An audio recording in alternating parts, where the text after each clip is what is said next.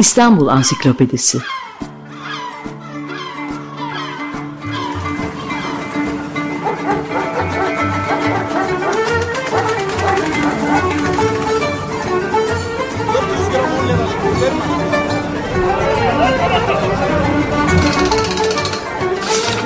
İnsanlar, olaylar, mekanlar, gelenekler ve ihtiyaçlar üzerinden şehrin tarihinden sayfalar.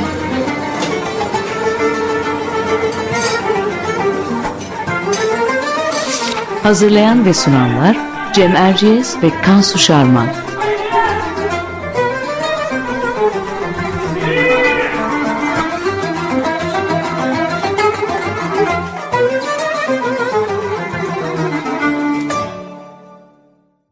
Merhaba, ben Cem Erciyes. Kansu Şarman'la birlikte hazırladığımız İstanbul Ansiklopedisi'ne hoş geldiniz. Bu hafta konumuz 100. yıl dönümünü yaşadığımız İstanbul'un işgal günleri. Malum Birinci Dünya Savaşı'nın sonunda Mondros bırakışmasının ardından 1918 Kasım ayında İtilaf Devletleri İstanbul'a asker çıkardılar. 16 Mart 1900, 1920'de de Osmanlı başkentini resmen işgal ettiler. 6 Ekim 1923 e, tarihine kadar yaklaşık 5 yıl işgal altında tutulan İstanbul o dönemde neler yaşadı, şehir halkı işgal sürecinden nasıl etkilendi, ticaret ve sosyal hayat ne durumdaydı?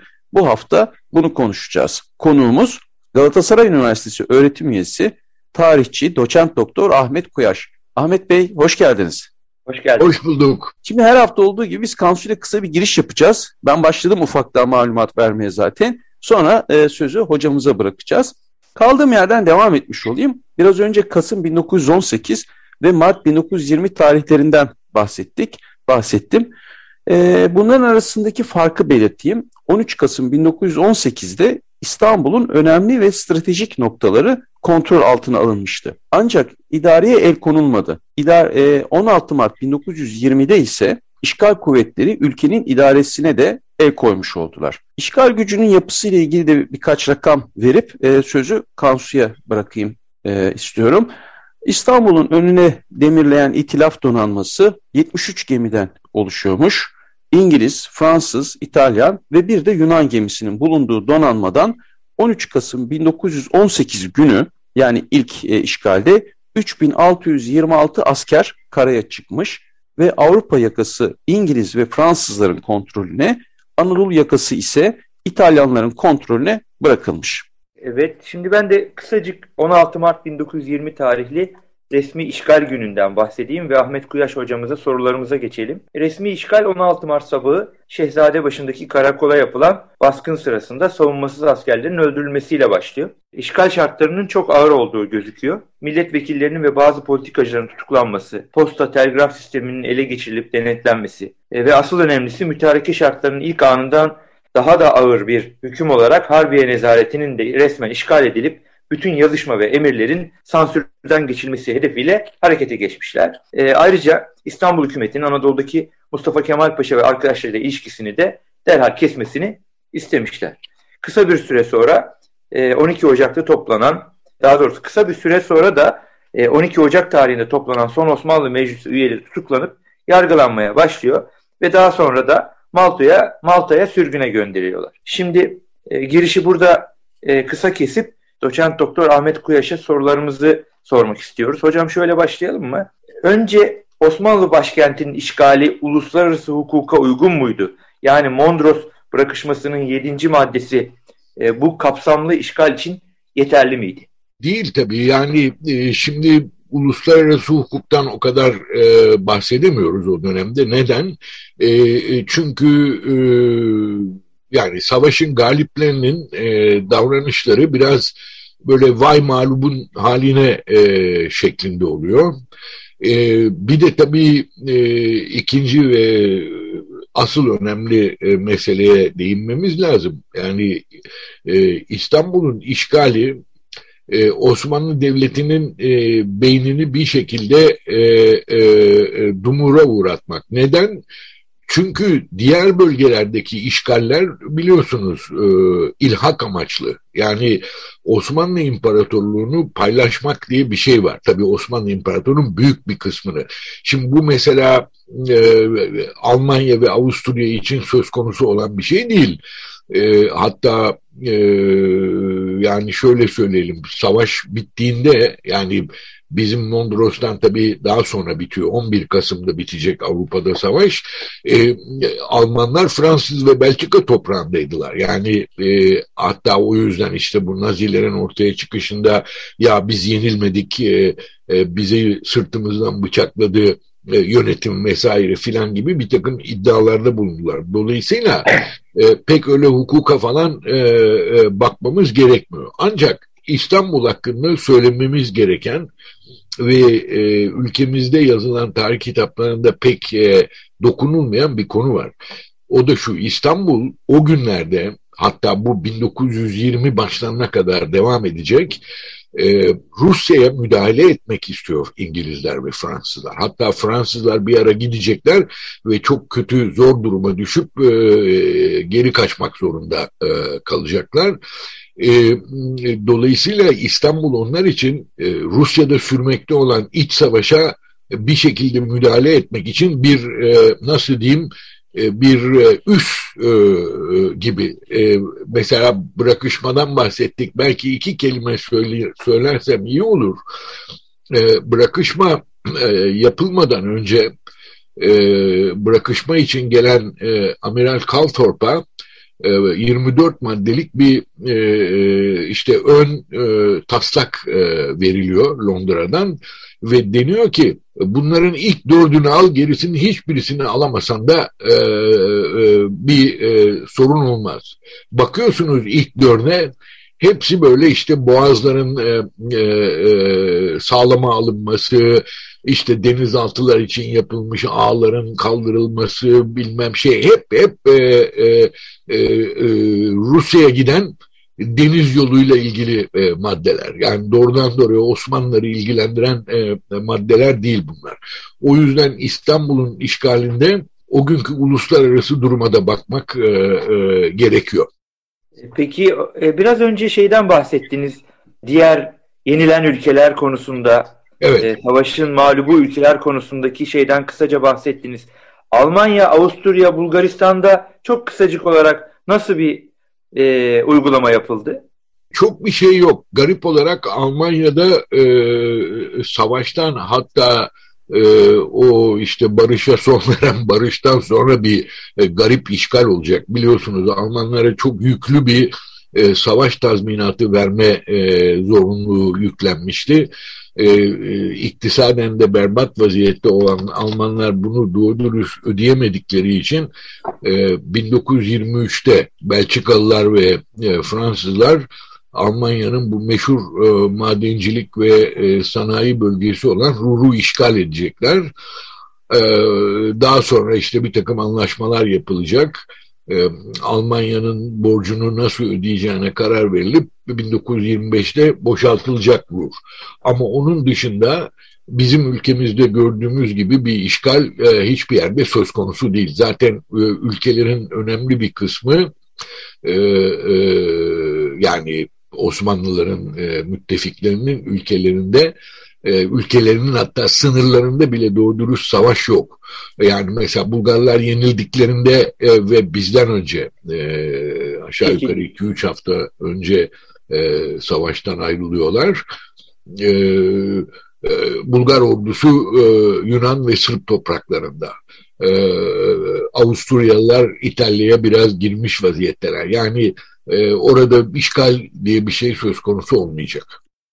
Peki hocam ben farklı bir şey e, sorayım sohbeti tekrar İstanbul'a çekelim ve yani savaşın bitmesi yani Birinci Dünya Savaşı'nın bitmesi ve ardından gelen bırakışma anlaşması İstanbul'da nasıl karşılanmış? Ee, İstanbul'da yaşayanlar, halk, e, entelektüeller e, ya da devlet ricalinde olmayanlar böyle bir askeri ve siyasi e, sonuç bekliyorlar mıydı? E, Valla beklemiyorlar. E, e, en azından İstanbul'da böyle bir e, nasıl diyeyim bir, bir, bir hareketsizlik, e, bir bıkkınlık e, var. Hatta bırakışma yapıldığında e, İstanbul'da ha iyi oldu falan deniyor. Halbuki e, bırakışmanın metni e, mesela Doğu Anadolu'da e, ilk okunduğunda eyvah e, bu yedinci madde yüzünden başımız derde girecek filan deyip e, hemen örgütlenmeye girişen insanlar var. E, mesela Süleyman Necati Güner'in anılarında görüyoruz bunu. Ama e, İstanbul'da öyle bir şey yok. Onun olmayış nedenine gelince e, evet. bildiğiniz gibi e, bırakışmadan hemen birkaç gün sonra e, İttihat ve Terakki'nin önder kadrosu e, yurt dışına kaçıyorlar. E, dolayısıyla İttihatçıların e, pek bir şey yapabilecek e, e, durumları yok. Geriye kalanlar ise e, neredeyse e, şeye e, işgale e, bir tür e, e, kurtarıcı gibi e, bakıyorlar. Yani geriye kalanlar derken Hürriyet ve İtilaf ve çevresinden bahsediyorum. E, çünkü bu adamlar e, e, ve tabii padişah da biliyor ki e, kendi başlarına kaldıkları zaman e, İttihat ve Terakki ile mücadele edebilecek güçleri yok. E, zaten daha sonra padişahın da bütün e, politikası onun üzerine kurulu olacak. O yüzden pek bir e, e, ses çıkmıyor İstanbul'da. E, tabii herkes e, suratı asık, e, işte e, e yüzler öne eğilmiş vaziyette. E, perişan bir durum. Ama e, yani öyle ciddi bir tepki vesaire yok. Peki halk halk nasıl karşılıyor? Ee, onlar da aslında savaştan çıkmışlar bir bitkinlik var, yoksulluk var. Evet, ee, evet. Ama bir yandan da işgal geliyor. Buna e, bir direniş, bir karşı çıkış e, gör, görüyor muyuz İstanbul'da yaşayanlarda? Valla şimdi işgal dediğiniz eğer 16 Mart 1920'den bahsedecekseniz orada durum farklı. Hı hı. Ama 1918 Kasım'ında e, savaşın bitmiş olmasından dolayı bir rehavet var. Evet. Ama dediğim gibi herhangi bir e, örgütlülük de yok. E, zaten e, halk dediğimiz kalabalık biliyorsunuz politikada o günlerde e, etkin olan bir kalabalık değil. Yani parlamenter sistemdeyiz ama e, vergi verenlerin oy verdiği bir ülkede olduğumuz için zaten halk dediğimiz kalabalığın bir ağırlığı yok. E, öte yandan e, yani yenilginin e, bir şekilde bir askeri işgali e, meşrulaştırdığına dair de bir e, anlayış var. Evet. O yüzden İstanbul pek ciddi bir e, tepki vermiyor. Evet. O tepki daha sonra e, gelecek. E, peki şuradan devam edebilir miyiz? 5 e, yıllık işgal dönemi içinde yani başındaki durumu söylediniz. Bu 5 evet. yıllık işgal dönemi içinde Anadolu'daki gelişmeler ve ardından Anadolu'daki direniş sürecinde de bir takım değişiklikler oluyor. Evet. Ee, örneğin İzmir'in işgali sonrasında e, İstanbul'da ard arda yaşanan mitingler gör, görüyoruz ve evet. e, insanlar kendi yaşadıkları başkentin işgalinde göstermedikleri tepkiyi İzmir'in işgalinde Mayıs 1919'da gösteriyorlar. Bu evet. e, neyi ifade ediyor? Yunanistan'ın işgali işgal etmesine özgü bir tepki mi? Yoksa başka türlü mü değerlendirilmeli? Ee, birkaç e, farklı neden var. Ee, bir, bir tanesi tabii Yunanistan faktörü çok önemli. Çünkü biz Yunanlılarla savaşmadık. Ee, e, ve Yunanlılara yenilmiş olmak diye bir şey söz konusu değil. Orada bir kere bir adaletsizlik var. İkincisi e, e, Yunan ordusunun Ege kıyılarına çıkmasının e, ilhaka e, doğru gidişte bir ilk adım olduğundan e, hiç kimsenin kuşkusu yok. Yani e, ne e, nedenle Yunan ordusu e, İzmir'e bilmem Ayvalık'a şuraya buraya çıksın ki. Dolayısıyla orada tepki tabii e, e, vatan toprağının kaybedileceğinden e, duyulan e, ciddi tedirginlik hatta korku. Ama onu da unutmayalım yani sonuç olarak o Sultanahmet Meydanı'nda toplanan e, kalabalıkların e, e bunu e, daha sonra e, siyasi bir e, programa dönüştürme gibi bir e, şeyleri yok. E, dikkat edersen o günlerde e, işte ne bileyim mesela orada işte en önemli konuşmalarından birini yapan Halide Edip vesaire bunlar biraz böyle politikanın dışında olan ve o günlerde e, daha çok Amerika'ya yaslanmaya çalışan değil mi? E, işte nasıl diyeyim böyle e, e, adil e, bir e, barış e, bekleyen e, siyasal anlamda biraz saf diyebileceğimiz insanlar. Evet e, fotoğraflardan da görüyoruz zaten hocam şeyde daha duygulara yönelik konuşmalar evet, ve evet. kürsüde, kürsüde de e, eski harfli Türkçe Wilson prensipleri tabii, e, tabii. Şey, hem Mehmet Emin Yurdakul'un hem Halide Edip'in konuşmaları sırasında kürsüde tabii. o e, Wilson prensipleri yazılı bez orada duruyor. E, bütün e, e, yani kamuoyu yaratıcısı diyebileceğimiz önemli gazetelerin baş yazarları o Wilson prensipleri e, cemiyetindeler mesela.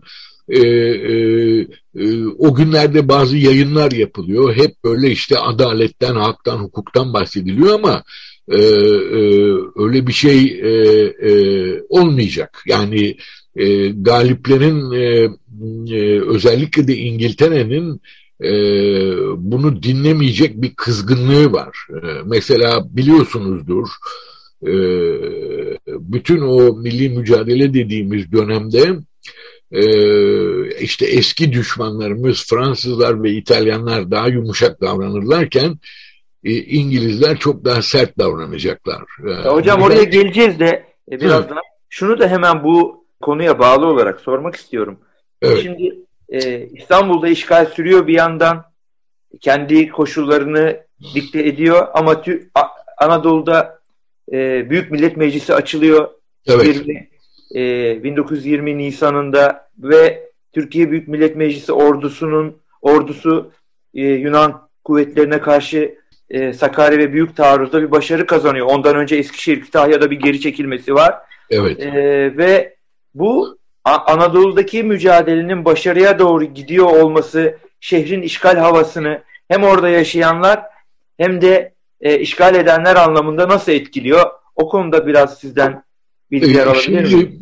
E, bu önemli bir soru. E, mesela o da pek fazla vurgulanmıyor. Gerçi bu konuda ilginç yayınlar yapan birkaç meslektaşımız oldu. Şimdi bakın İstanbul'un işgalinden aşağı yukarı 6-7 ay sonra Ankara'nın e, dize getirilmesi konusunda kuşkulara düşen e, itilaf devletleri e, e, ya şu sevri tekrar bir gözden geçirsek iyi olur. Türklerin lehine biraz düzeltimler yapalım filan e, diyorlar.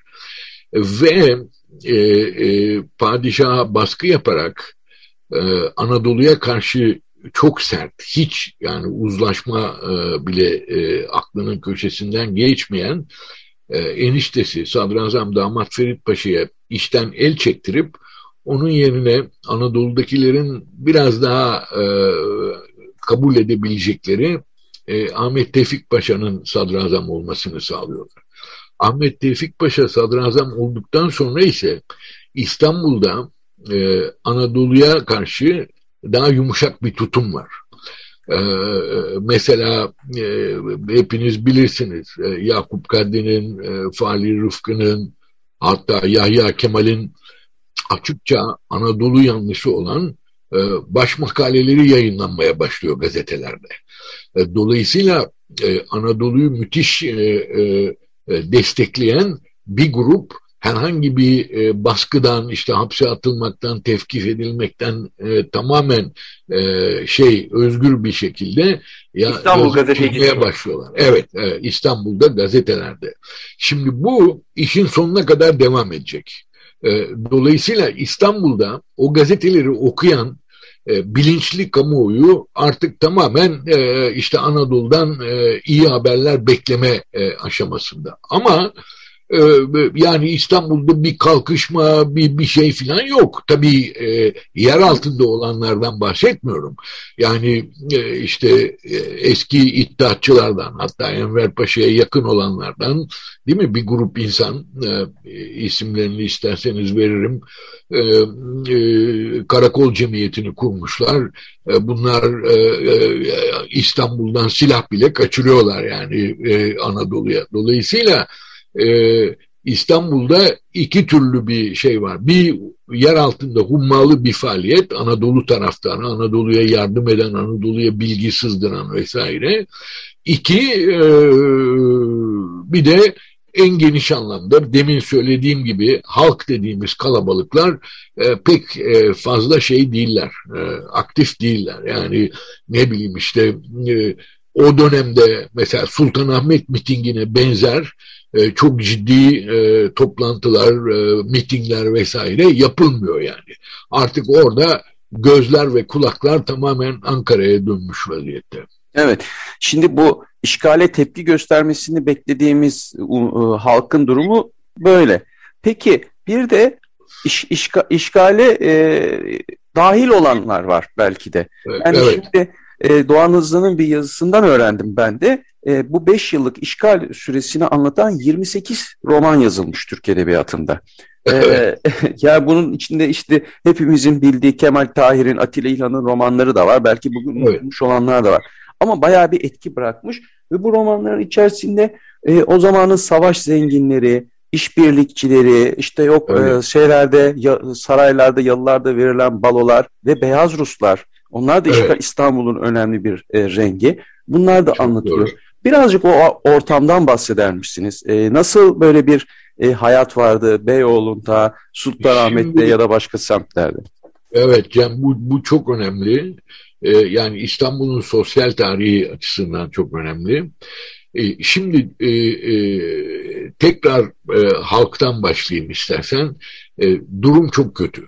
E, yani e, müthiş bir e, fakirlik var Ayrıca e, daha savaşın başlangıcından bırakın e, bırakışma dönemini daha savaşın başlangıcından beri korkunç fiyat artışları var ve toplum bundan e, çok e, zarar görüyor. Mesela İstanbul konusunda bildiğimiz en önemli şeylerden bir tanesi ki e, kadın hareketinin e, ivme kazanmasına neden de olacak birçok Müslüman kadın e, geçinebilmek için, çoluk çocuğunu yedirip içirebilmek için tabii kocaları, babaları vesaire ölmüş olduğu için fahişeliğe başlıyor.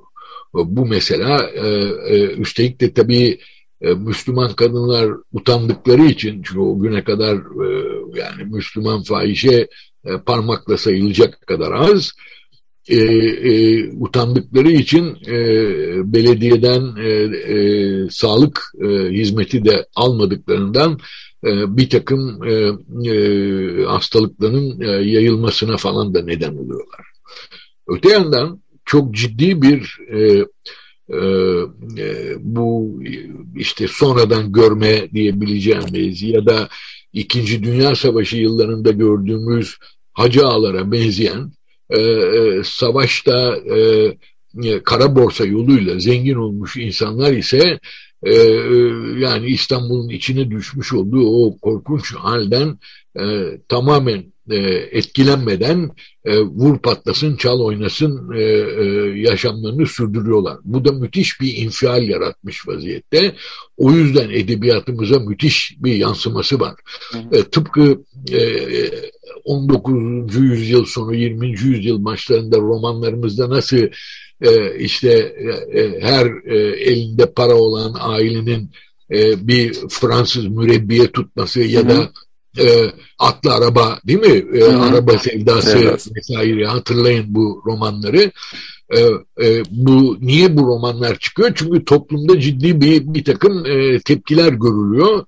O, o tepkileri e, e, bir şekilde dile getiriyorlar. Yani, yani tabii sen Kemal Tahir dedin ama bana kalırsa e, Yakup Kadri'nin Sodom ve evet. Gomorra'sı daha korkunç bir e, suçlama. Tam bunu anlatıyor. Evet, evet, evet. tam bu, bunu anlatıyor yani.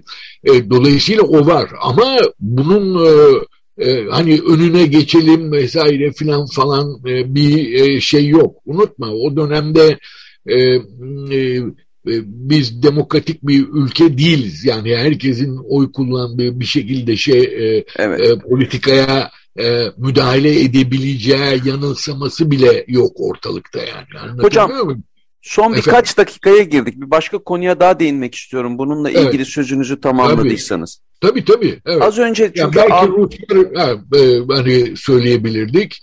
E, e, biliyorsun e, işgal başladığı sırada e, hemen böyle gelmiş e, 50-60 bin kadar e, beyaz Rus var 1920'nin e, e, e, sonlarına doğru bu rakam 160-170 bine kadar varacak. Müthiş bir rakam. tabii bunlar hali vakti yerinde çevrelerden gelen insanlar insanların oluşturduğu bir topluluk değil. Çünkü savaşta herkes bir yerden kopmuş gelmiş, zenginliğini yitirmiş. Dolayısıyla çok sefalet çeken insanlar. E, e, ama uzun müddette kalmayacaklar. Yani İstanbul'da kalan hatta giderek Türkleşen bir sürü beyaz Rus olduğunu biliyoruz.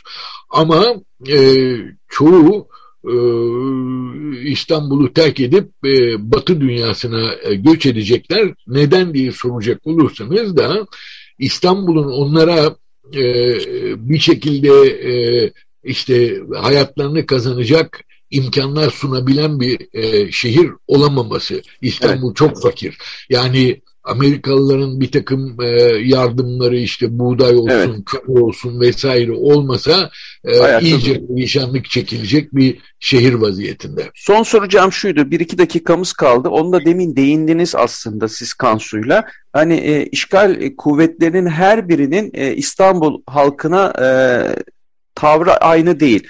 İngilizler, Fransızlar, İtalyanlar arasındaki farklılıkları bir iki cümleyle özetler misiniz? Ondan sonra veda edelim. Olur. Yani e, aslında halkla olan ilişkilerde e, bunu pek görmüyoruz. Neden? E, çünkü askerler bir sürü işte bekar genç adam dolayısıyla sağda solda bir takım olaylar çıkartıyorlar. İşte kadınlara sarkıntılık ediyorlar filan falan. İşgal konusunda farklılığı ki bu Anadolu'da e, olan bitenler için de geçerli. E, Fransız ve İtalyanların çok daha yumuşak davrandıkları. E, çünkü işte onu diyeceğim yani İngilizler e, e, Orta Doğu'da geliştikleri Çanakkale'den işte Gazze'ye, oradan Irak cephesine, e, e, e, Orta Doğu'da neredeyse savaşmış tek güç değil mi? Azıcık Fransız evet. askeri var Çanakkale'de. Dolayısıyla da Osmanlıların performansının iyi olduğu dönemde dönemlerde yenilgiye uğramış tek güç. O yüzden müthiş kızgınlar. Hmm, ee, evet. E, yoksa o, e, o yüzden e, de farklı e, bir şeyle Evet, evet, evet. E, yani işte Çanakkale'de, Gazze'de, Kutulamare'de e, Osmanlıların yendikleri İngilizler ya da İngiliz milletler camiası olduğu için İngilizlerin daha bir kızgınlığı var. Peki. E, çok teşekkür ediyoruz Ahmet Hocam. E, vaktimiz doldu. Bu hafta 100. yılında İstanbul'un işgal dönemini konuştuk. Konuğumuz doçent doktor Ahmet Koyaş'tı. Bizi dinleyenlere e, teşekkür ediyoruz. En çok da hocamıza teşekkür ediyoruz. Hoşçakalın. Teşekkür ediyoruz. Hoşçakalın. İyi günler. İstanbul Ansiklopedisi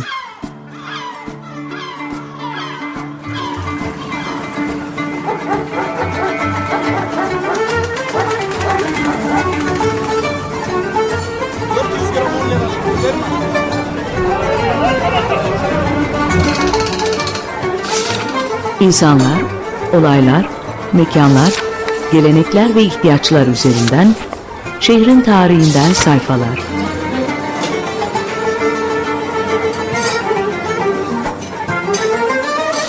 Hazırlayan ve sunanlar Cem Erciyes ve Kansu Şarman.